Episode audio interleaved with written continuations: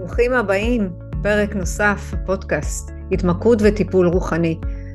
הפודקאסט הזה לכל אחד ואחת שרוצים פשוט להפסיק לסבול, לסבול ממחשבות טורדניות, מחרדות, מפחדים, מהתמכרות. מה זה התמכרות?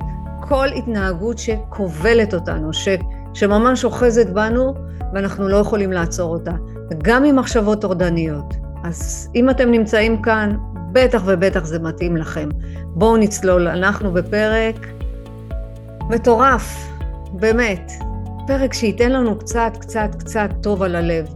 להפסיק להיות ברגשות אשם, להפסיק להאשים את עצמנו כמה אנחנו לא טובים, אלא להתחיל לסלוח לעצמנו. המשכנו בחשבון נפש אישי, וכאשר שגינו, עודנו בכך מיד. מה אומר צעד עשר? חברים, אתם שחררתם את העבר, עברתם על הפגמי אופי, הגיע הזמן ממש ממש לחדש את הקשר בינינו לבין הכוח העליון שלנו, לבין האור האינסוף, לבין הבורא. אלוהים כפי שאנחנו תופסים אותו.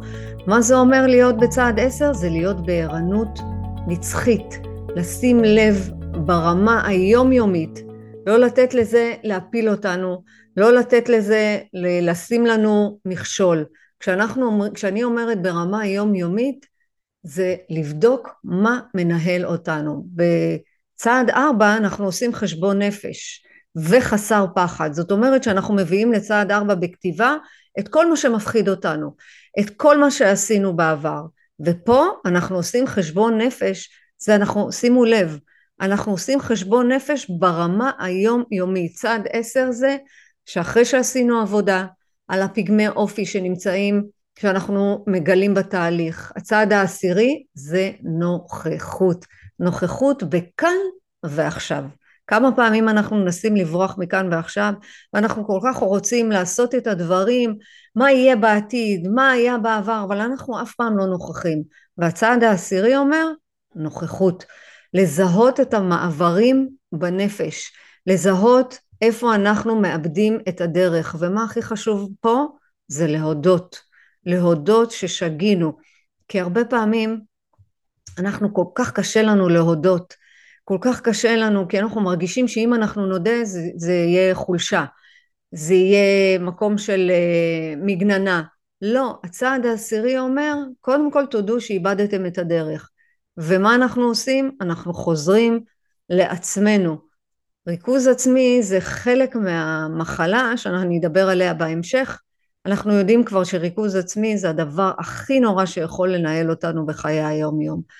מה זה המשכנו בדרך בחשבון נפש והודינו שעשינו את זה ועשינו איזושהי טעות ואני רוצה להביא את הטעות הזאת דווקא על עצמי הפעם שכל הזמן אני בדרך ואני כל הזמן לומדת לזהות חשבתי שאני כבר יודעת בדיוק איפה הניואנסים הקטנים האלה שאני מזהה שאני בריכוז עצמי, וכנראה שלא. לאחרונה ביקשו ממני כמה הצעות עבודה מכל מיני ארגונים שונים. מה זה הרגשתי בעננים, אתם מכירים את זה שאתם עושים משהו ואתם מרגישים בהיי כזה גבוה, והיי כזה של וואי איזה כיף, סוף סוף הנה הצלחתי, אז זה היה במקביל מכל מיני ארגונים. והרגשתי מין עליית מדרגה בפן המקצועי, ושכחתי לרגע את הדרך. כן, גם לי זה קורה. דרך הרוח שאנחנו כאן על מנת לשרת את הבריאה ולשרת את הבורא ולעשות את רצונו. תזכרו כל הזמן צעד שלוש, רצוני או רצונו. וזה מה שאנחנו לומדים בדרך, לעשות את רצון הבורא, אלוהים, כוח גדול, כפי שאתם תופסים אותו. ואנחנו לא ממש יודעים עדיין מהו רצונו, ולכן אנחנו בתפילה. וכשאנחנו בתפילה אנחנו גם מייחלים כל יום בדרך שידריך אותנו. בזמן שאני שולחת את ההצעות מחיר, התחלתי ממש לפנטז. מכירים את זה? אתם יכולים להזדהות עם מה שאני אומרת עכשיו? ממש ממש לפנטז ולדמיין איזה תמונה בראש שנכנסתי אליה, שוואי, מבקשים את השירות שלי, ועכשיו אני איזה, אה, אני לא יודעת, לא, לא רוצה להגיד כל יכול, אבל וואלה, איזה כיף, אני מתאימה להם לארגון, הם חושבים שאני יכולה לעשות את העבודה הזאת, והתמונה הזאת שציירתי לי בראש, שהם צריכים אותי. שכחתי לרגע, לרגע, ממש לרגעים מסוימים, כמה זה לא נכון. זאת אומרת, אני לא המרכז, אני לא העניין, אבל הם צריכים, הם צריכים את השירות שלי, כי יש לי משהו לתת להם מהדרך שלי. אז נכנסתי לממלכת האשליה. תשימו לב אתם בחיים שלכם כמה פעמים נכנסתם לממלכת האשליה. שאם תהיה לכם זוגיות טובה, אתם וואי תהיו בעננים. אם תרוויחו יותר כסף, אתם ממש מדמיינים את זה. אם תרוויחו יותר כסף, תוכלו יותר לנסוע לחו"ל, תוכלו לקנות יותר, תוכלו להיות בבית יותר גדול. גם ממלכת האשליה, שאם אתם תרזו במשקל, אתם תהיו הדבר, הדבר הבא או מצליחים, שימו לב איזה תמונה יש לכם בראש, איזה היא ממלכת האשליה, כל אחד מכם בנה לעצמו. מה זאת אומרת? כשאנחנו מתחילים לזהות איזה אשליה התחלנו להכניס את עצמנו, אנחנו יכולים גם לצאת ממנה. וזאת רק תמונה בראש. נכון, נכון, אני מלמדת לא מעט איך לדמיין את הדבר, כי אחרת כל הדבר הזה שאני נמצאת בו, המרכז להתפתחות לצמיחה רוחנית ומנטלית, לא היה קיים אם זה לא היה קודם כל בראש שלנו. אבל אני מאוד מאוד מפחדת מהצד הזה, שכשנכנסנו לתמונה הזאת, איך אנחנו מתחזקים אותה, אבל איך אנחנו גם מוציאים אותה לפועל. לא רק להשאיר אותה כתמונה דוממת. זאת אומרת, זה לא רק איזושהי תמונה של יופי, עכשיו שלחתי את ההצעות מחיר, אני יכולה עכשיו אה, להמשיך לפנטז שכולם יקראו לי, שאני כבר אה, נכנסת לכל ארגון, כולל הארגונים שעבדתי בהם. זאת הייתה תמונה של ממלכת האשליה, שלקחה אותי רגע הצידה, הסיטה אותי מהדבר של אני צריכה לשרת את הבריאה, אני צריכה לבוא בשביל האנשים, אלא שמתי את עצמי כריכוז עצמי. אני ואני ואני ואני. אז מה עשיתי גם? הגבלתי את עצמי באמצעות התמונה הזאת. כי מי יודע אם זה נכון לי? מי יודע מה נכון לכם? כל תמונה שיש לכם בראש, להרוויח יותר כסף, תשימו לב לאן הכסף הזה ילך. שימו תמונה, תוציאו לפועל, אבל אל תאחזו בה, אל תחזיקו אותה יותר מדי בראש, כי אז אנחנו נמצאים באשליה, וכשזה דברים כאלה לא קורים, אנחנו בבעיה רצינית. אז מתחיל התסכול, אז מתחיל איזה חוסר פנימי ואיזושהי ריקנות. כשאנחנו בתוכנית, אנחנו לומדים לשחרר תוצאות. זאת אומרת, הייתי צריכה לשחרר, לשלוח הצעות מחיר, וזהו. אבל מה שעשיתי, נאחזתי בזה. זאת אומרת, וואי, מתי ישלחו לי? האם יקראו לי? האם, אה, אה, למה לא, לא קוראים לי? ולמה אני, ולמה ולמה ולמה, כל כך הרבה למה. למה? כי נאחזתי בתוצאה. ואת זה אנחנו, לא, אנחנו לומדים בתוכנית 12 הצעדים. לשחרר תוצאות. התוצאות יגיעו בדיוק כמו שהן צריכות להיות. כשלא מגיע, כשקורה משהו ושאתם מחזיקים תמונה בראש והיא לא קורית כמו שאתם רוצים, מגיעה אכזבה. האכזבה הזאת שמגיעה למפח רוח ודיבור שלילי על עצמנו. ואז מה קורה? אני לא מספיק חכמה, אולי אני לא מתאימה לארגון הזה, אולי הארגון הזה גדול עליי, ומפח רוח שבסוף בסוף בסוף לוקח אותנו לשימוש חיצוני. זה יכול להיות לכדורי הרגעה, זה יכול להיות לקניות, זה יכול להיות אלכוהול, זה יכול להיות הימורים, זה יכול להיות אפילו מה? דיכאון, ו- וממש איך אחד המשתתפים כתב לי, אני ממש ממש רוצה למות, אני כאילו רוצה לצאת כבר מהחיים האלה חס וחלילה. לשם אסור לנו להגיע. לכן כשיש לנו תמונה אחת בראש, לא להאחז בה. כן תשימו לב כי לאן שהאדם רוצה ללכת מוליכים אותו. היכן שמחשבותיכם יהיו שם אתם תהיו. זה נכון ומדויק אבל לא כשאנחנו נאחזים חזק בתמונה הזאת, כאילו אם התמונה הזאת היא לא קורית, אם לא אלך עכשיו להעביר שיעורים בארגונים האלה, משמע אני לא קיימת, חס וחלילה, בשום צורה שזה לא יקרה לכם. זאת אומרת, מרוב, בנוסף, מרוב ששמחתי, הכנסתי את עצמי לאיזה מין ריכוז עצמי שאני שכחתי, שכחתי בכלל שאני צריכה לצאת משם. וריכוז עצמי זה רחמים עצמיים, דיבור שלילי, תסכול, ייאוש, אין תקווה ואין אלוהים גם. שימו לב איזה תמונות יש לכם בראש. כי ריכוז עצמי זאת המחלה שכל הזמן מעודדת אותנו לעשות אך ורק את רצוננו ולעצמנו. ואני אומרת לכם כאן ועכשיו, רחמים עצמיים זה ריכוז עצמי. דיר באלק, תשימו לב איפה אתם נמצאים.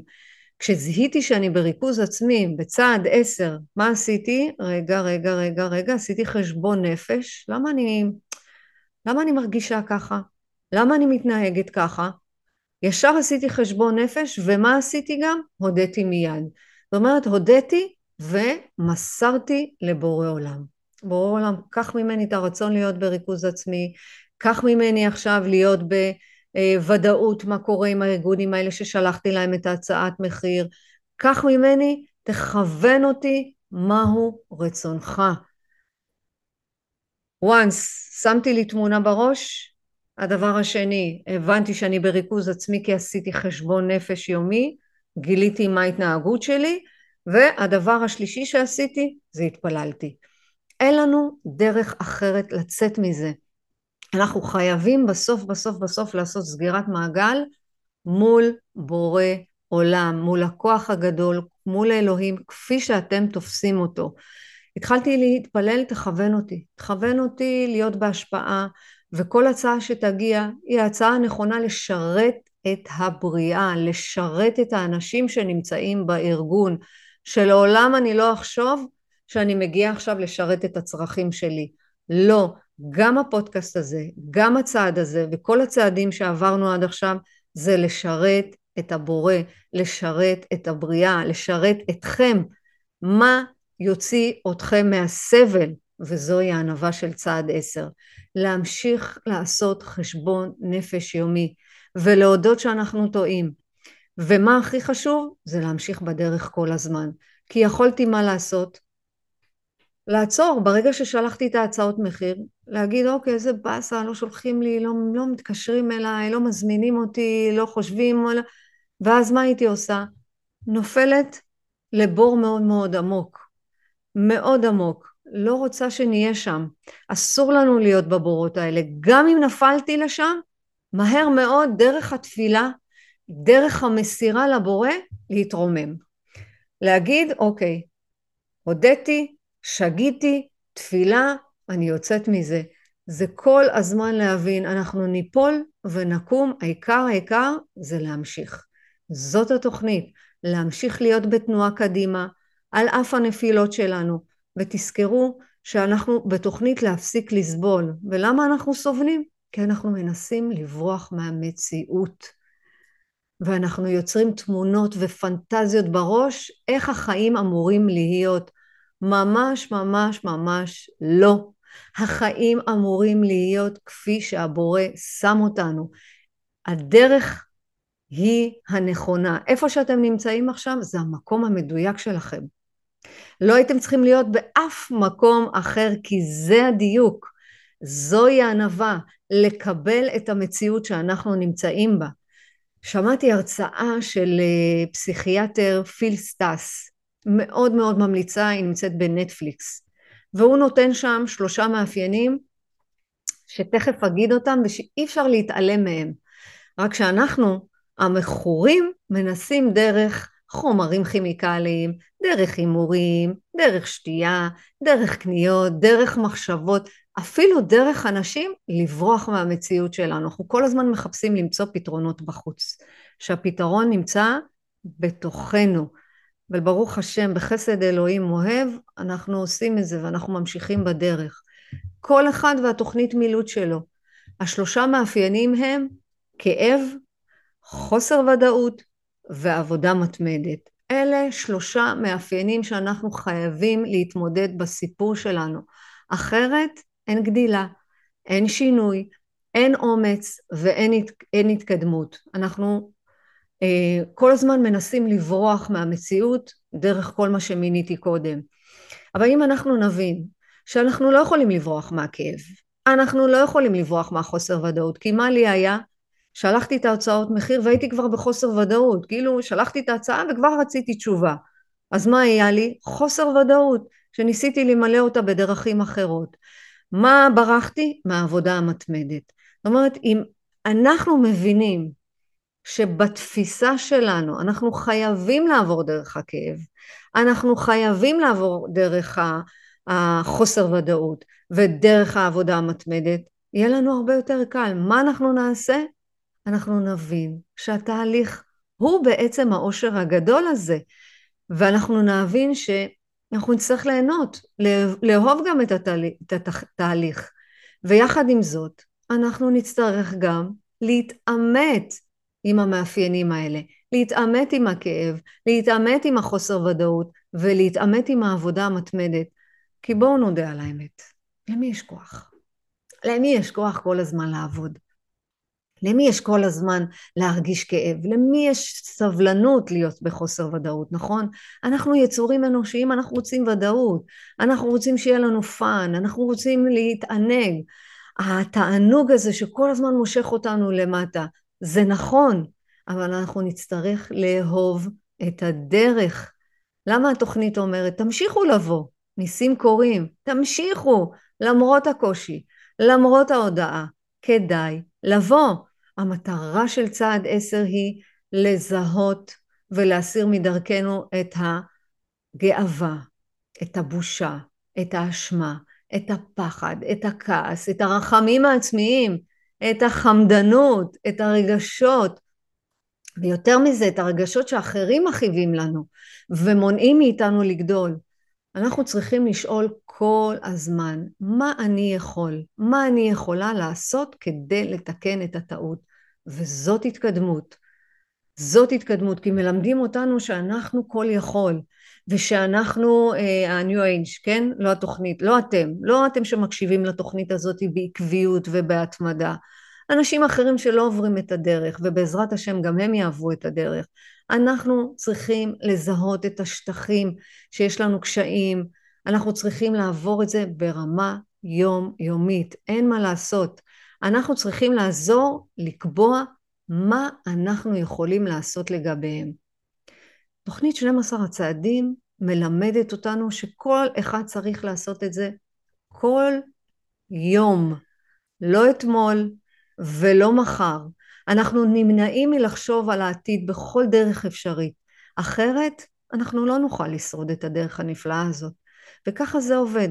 הצעד העשירי אומר שאם לא נהיה מודעים לפגמי אופי שלנו, הם יכניסו אותנו לפינה שלא נוכל לצאת ממנה נקיים. זאת אומרת, אם לא הייתי עוצרת רגע ומבינה שהדרך החשיבה שלי, הדרך הפעולה שלי, היא לא טובה, זה יכול להכניס אותי לפינה, או לאוכל, אכילה רגשית, אכילה כפייתית, או ללכת לקניות. אחד הדברים, שני הדברים האלה.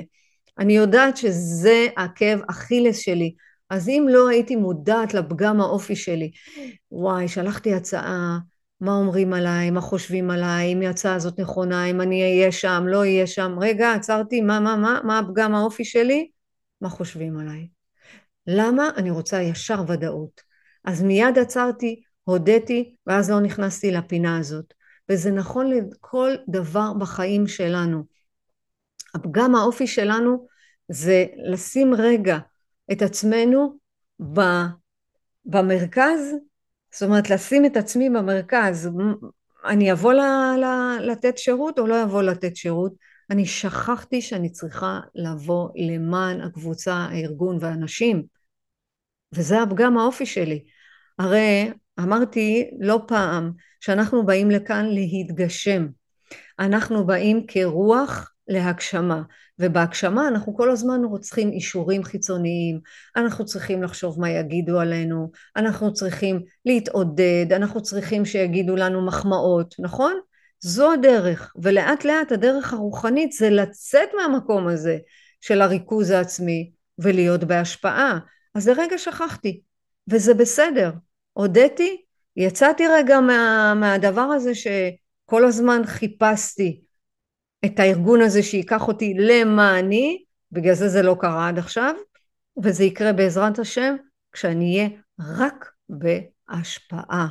אין מה לעשות, גישת 12 הצעדים היא מעל הכל דרך חיים ולכל החיים.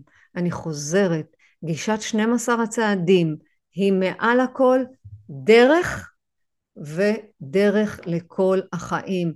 בצעדים, בצעדים שהם עשירים ועד השנים עשר, התוכנית מתייחסת להווה, וזה החלק הרוחני בשיטת 12 הצעדים, עם הפנים קדימה, עם ה, לעתיד, עם החזון, עם התקווה, וזה בניגוד לצעדים הקודמים שעסקנו בעבר ואת התיקון שלו. אנחנו עכשיו עסוקים בנזקי ההווה. למה? כדי שלא נמשוך את זה לעתיד. הצעדים הקודמים הם ניקוי מהעבר, הם משתחררים ממחסומים שמפריעים לנו להתקדמות, יש בנו חופש. צעדים 10, 11 ו-12 הם צעדים לתרגול רוחני רציף. לכל החיים, אני מדגישה לכל החיים. אי אפשר לעשות את הצעדים בלי לחיות אותם. זה לא, יופי, עברתי עכשיו את 12 הצעדים, גמרתי, זהו, עכשיו אני נקייה, אני נקי, הכל בסדר, אני מבין את העקרונות. ממש לא. אנחנו צריכים לחיות אותה כל יום. מי שהתחיל את הדרך הזאת לא יכול לסטות מדרך הרוח. עכשיו, לא חייבים את 12 הצעדים, אבל היא דרך רוחנית שאתם התחלתם אותה. זה יכול להיות בכל תוכנית שעשיתם.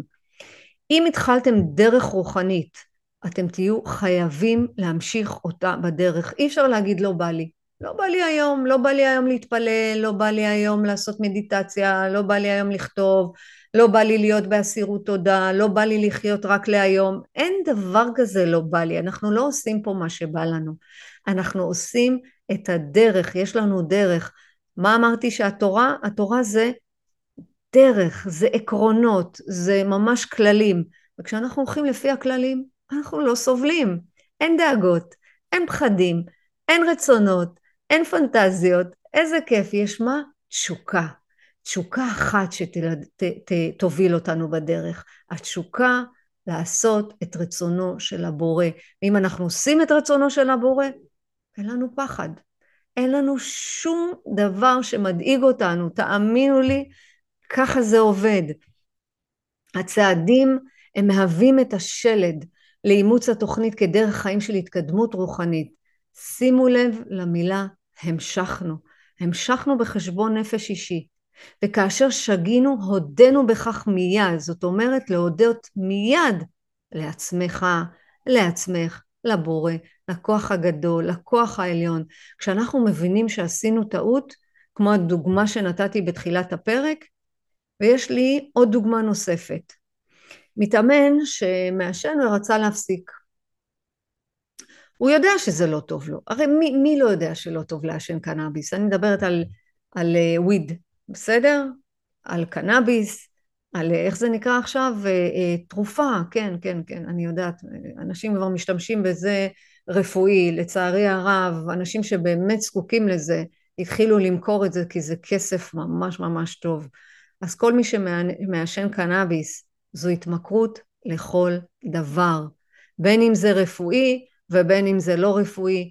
יש כאלה שבאמת זקוקים לזה לרפואי, שאנחנו נשלח מפה רק רפואה שלמה, אבל יש כאלה שמשתמשים בזה ואומרים שזה רפואי. אז קנאביס, וויד, חשיש, פייסל, ירוק, מה שתרצו לקרוא לזה, זאת התמכרות לכל דבר. כי בלי זה אין ממש ממש ממש חיים. אז המתאמן הזה רצה להפסיק אה, לעשן. והוא היה, קיבל ממני הנחיה, הימנעות מוחלטת. אין הימנעות זמנית, אין הימנעות חלקית. יש הימנעות מוחלטת. זאת אומרת שאתה גם לא נפגש עם אנשים שמעשנים. אתה לא יכול להישאר באותה סביבה. אתם זוכרים שסביבה מאוד מאוד משפיעה עלינו. אז מתאמן שהוא יודע שזה לא טוב לו, הייתה לו הפסקה של כמה ימים, וואי, ככה כמוני כזה, היה בהיי כזה, וואי, איזה כיף, אני לא מעשן, יש לי חיים, אני חופשי, אני מאושר, אין לי תלות שמחזיקה אותי, ממש הרגיש על גג העולם. ממש כיף. ואז הוא קבע פגישה עם החברים שמעשנים. והוא חשב שהוא יכול לבד, הוא אמר, זהו, מה, הפסקתי כבר כמה ימים, מה, אני נקי, לא צריך, זה בסדר, הם יכולים לעשן לידי. אני יכול אה, לעשן, אה, להיות לידם ולא לעשן. הוא קבע עם החברים שהוא ידע מראש מראש שדווקא ספציפית עם החברים האלה מאוד מאוד מאוד קשה להפסיק. אבל הוא העמיד את עצמו בניסיון, והוא נפגש עם החברים. ומה אתם חושבים שקרה? נכון, צודקים, זה בדיוק זה, התוצאה ידועה מראש. והוא עישן איתם. אז כל הימים האלה שהוא לא עישן והרגיש בהיי והיה לו ממש ממש כיף והיה לו ממש טוב, ברגע אחד, סיגריה אחת, יותר מדי, אלף סיגריות לא יספיקו. אז הוא שוב ירד והגיע לאותה נקודה של חוסר אונים, להרים דגל לבן, נפלתי. ומה יפה בתוכנית הזאת? שאנחנו נופלים וקמים, אבל הוא הבין מיד את הטעות שהוא עשה, מיד. ברגע שהוא עישן איתם, הוא גם הבין את הטעות שהוא עשה. צעד עשר.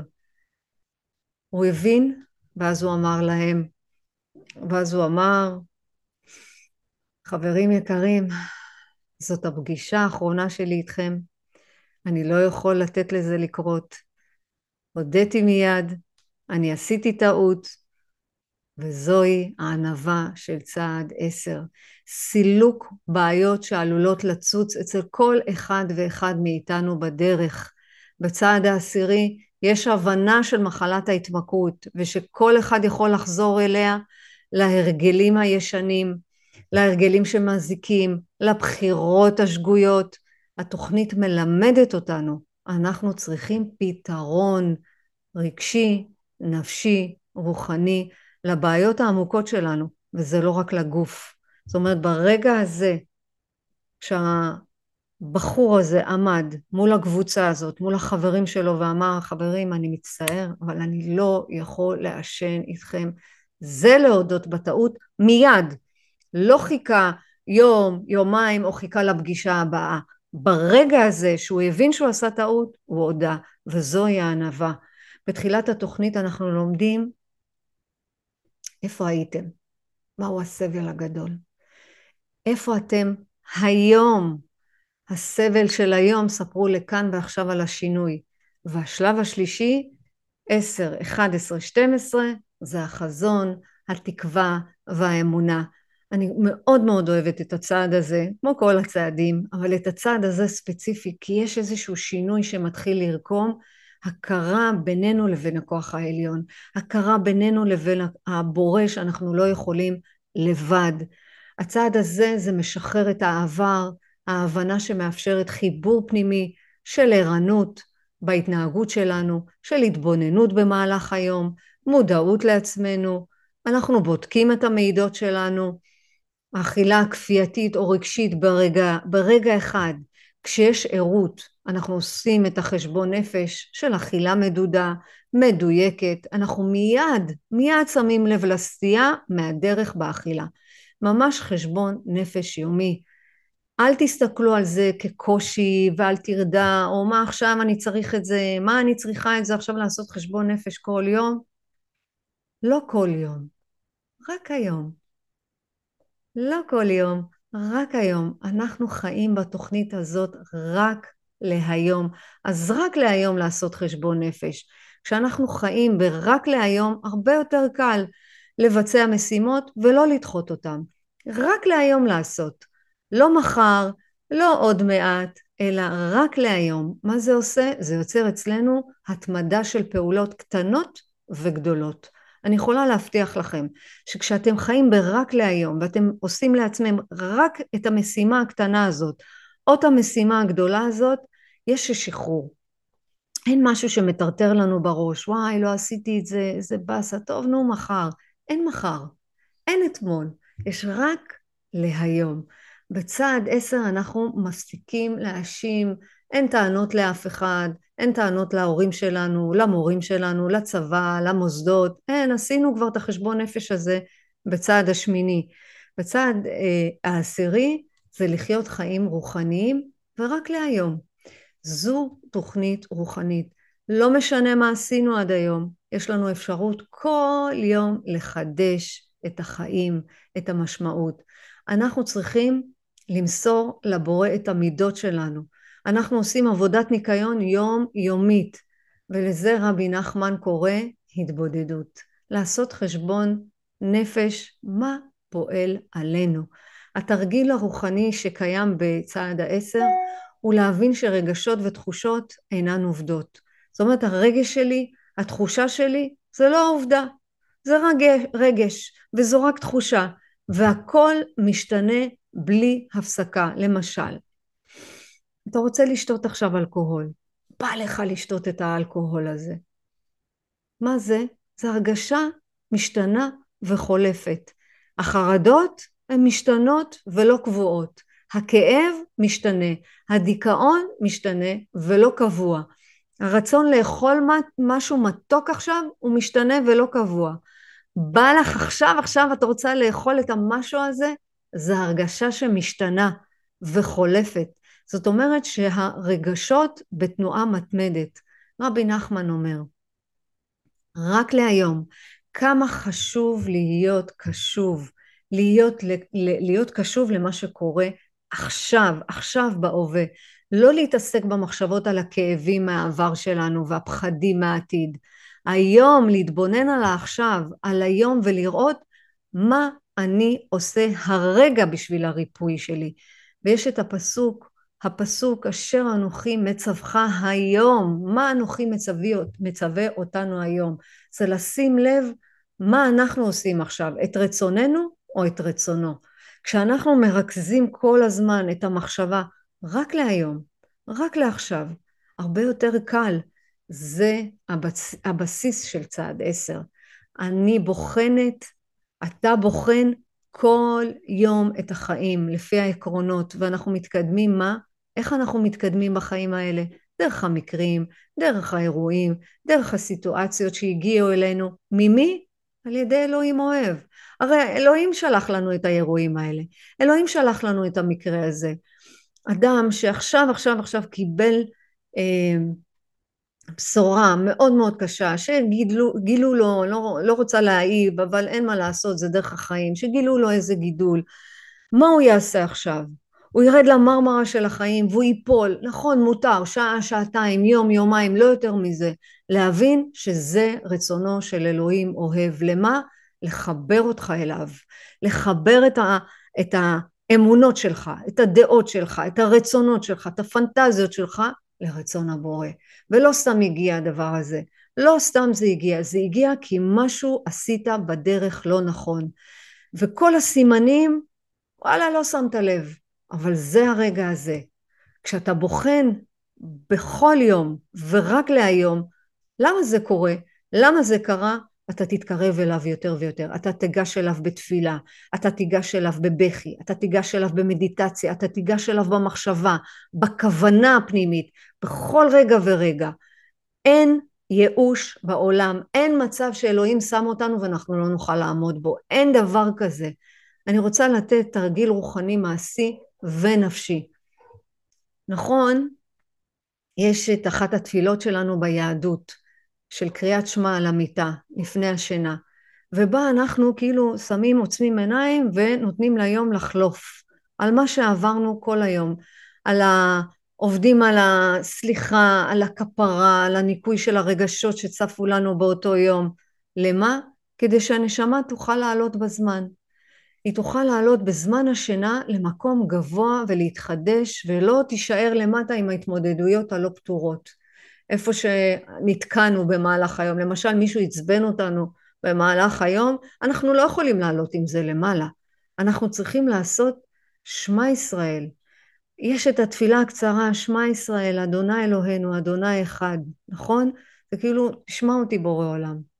נכון, אני כועס על האדם הזה, נכון, הוא עצבן אותי כל היום, נכון, אבל אני, אני רוצה לכפר, אני רוצה לסלוח לכל מי שהרגיז אותי היום. אני רוצה לסלוח לכל מי ש... כל מי שהכעסתי אותו היום. אני רוצה שהנשמה תעלה למקום הרבה יותר גבוה. מה זה יותר גבוה? שהיא תהיה מעל האמונה, מעל הדת, כדי שלא נהיה תקועים בעולם הארצי הזה. להפך, שנעלה לעולם הרוחני.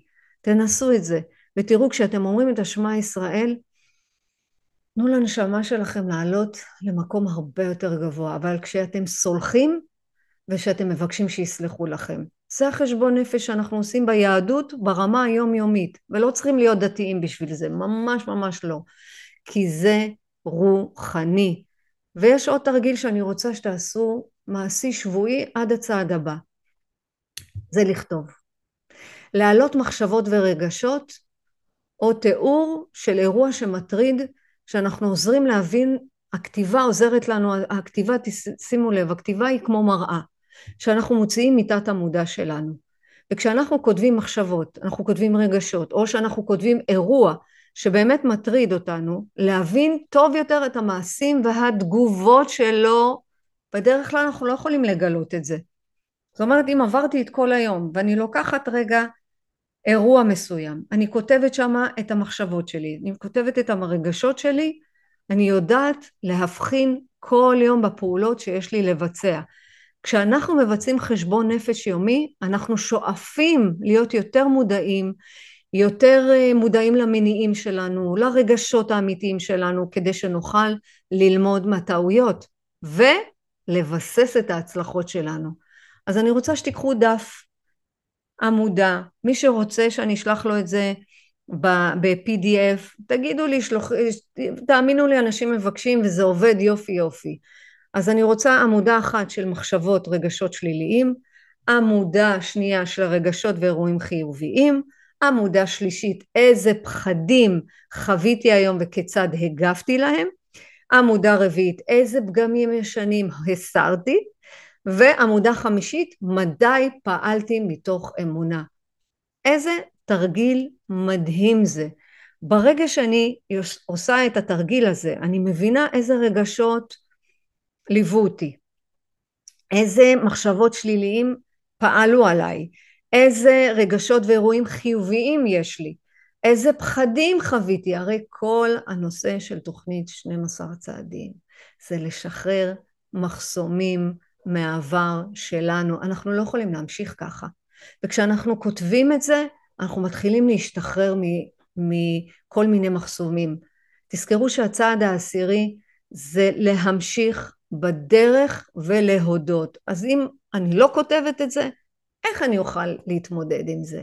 איך אני אדע איזה רגשות פועלים עליי? איזה פחדים, איזה פגמים אני רוצה להסיר ממני? ברגע שישבתי וכתבתי את האירוע שלי, שהתחלתי איתו בתחילת הפרק, ההצעות מחיר ששלחתי, הבנתי איזה רגשות שליליים אני מתחילה לדבר, איזה רגשות ואירועים חיוביים מצאתי מתוך זה, איזה פגם של הריכוז העצמי, של מי אני, של הנה אני באתי עכשיו, אני זו שנותנת לכם הרצאה או שיעור או אני לא יודעת מה.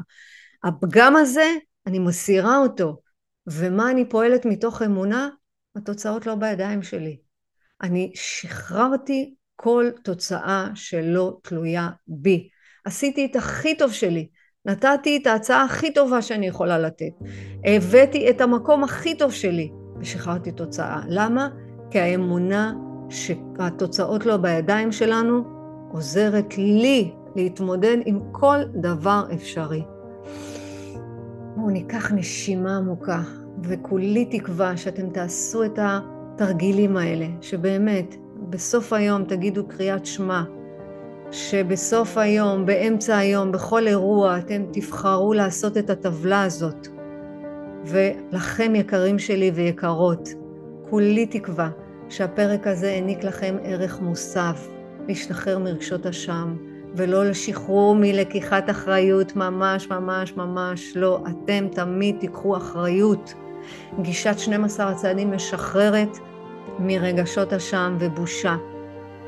להתחיל לזהות את הקולות שבראש שלנו, ולא להזדהות עם הקולות שאומרים לנו להתנהג אחרת ולא כרצון הבורא. זה ממש ממש חשוב. אני רוצה שניקח נשימה עמוקה. אני אקח רגע של שקט, ולא משנה איפה אני תופסת אתכם עכשיו, בנסיעה, בעבודה, ברגע עם עצמכם. אני רוצה שניקח את הרגע הזה ונתמלא בערך, נתמלא ברוחניות. כי מה שאנחנו עושים בפודקאסט הזה, אנחנו ממלאים את התכנים שלנו בדברים אחרים, ברוחניות ולא בחומריות, לא בארציות. אנחנו מבינים שאפשר לשנות, אנחנו מבינים שיש דרך אחרת. אז אני רוצה לסיים. עם תפילה של משתתפת, ולא תאמינו מאיפה, מדובאי, מאיחוד האמירויות, שכתבה את התפילה שעוזרת לה לחזק את הקשר היומיומי שלה עם הכוח העליון שלה. מדי בוקר היא מקדישה 15 דקות בזמן הארוחת בוקר לקריאה בספר רוחני להיום. אחר כך היא באה עם התפילה הזאת. היא מוצאת שזה עוזר לה לקבל פרספקטיבה ונותנת אמון בכוח העליון שלה למשך כל היום, כי אנחנו חיים ברק מהיום. אם אתם לא בנסיעה, אני אבקש שתעצמו עיניים ברגע הזה, ותנו ללב להיפתח, תנו לאוזניים להיות קשובות, ותנו למילים להדהד בתוככם. אלוהים היקר, רק להיום, תן לי להיות בנכונות למסור את חיי ואת רצוני לידך באופן מוחלט, מתוך תחושת ביטחון והגנה, ובזכות הידיעה שאהבתך אליי היא ללא תנאי, ומתוך אמון בכך שתוכניתך עבורי להיום היא להוביל אותי צעד אחד קטן לקראת ההחלמה. לא משנה מה יביא היום הזה, אני יודעת שבמשך 24 השעות הבאות, אם אהיה מוכנה להודות בחוסר האונים שלי, ואמסור את חיי ואת רצוני לידך, אקבל חופש והקלה מן הכאב והשעבוד הנובעים מניסיון לשלוט בחיים, באנשים ובמשקלי. רק להיום. אם אוכל להאמין שכל מה שעליי לעשות הוא לעבוד את הצעדים של התוכנית, כמיטב יכולתי, ולחיות בפשטות רבה ככל האפשר, אקבל את המתנות הנפלאות, הימנעות, שלווה ושפיות, ואתמלא בחמימות, בתחושת ביטחון ואהבה. ללא תנאי מצדך. תודה לך אלוהים, על שנתת לי את היום המיוחד הזה. תודה לך אלוהים, על שנתת לי את היום המיוחד הזה. תודה רבה לכם שאתם מקשיבים ואתם עוקבים ואתם מחממים לי את הלב. אם עוד לא הצטרפתם לקבוצת הוואטסאפ, זה רק לנשים בלבד, זה הזמן. אם עוד לא עשיתם והתחברתם לערוץ היוטיוב כמנויים, זה הזמן, כדי שתדעו מתי עולה כל פעם סרטון מחדש. ואם עוד לא העברתם הלאה, זה הזמן, ותזכרו שכל אחד ואחת מאיתנו באנו להשפיע, באנו להעביר את הבשורה שאפשר אחרת ואפשר להפסיק לסבול. הכל תלוי ומתחיל ונגמר בנו. אוהבת מרחוק ומקרוב. בהצלחה שיהיה לנו בצעד הזה. תשתפו אותי, אני מחכה לעדכונים שלכם. להתראות בצעד הבא.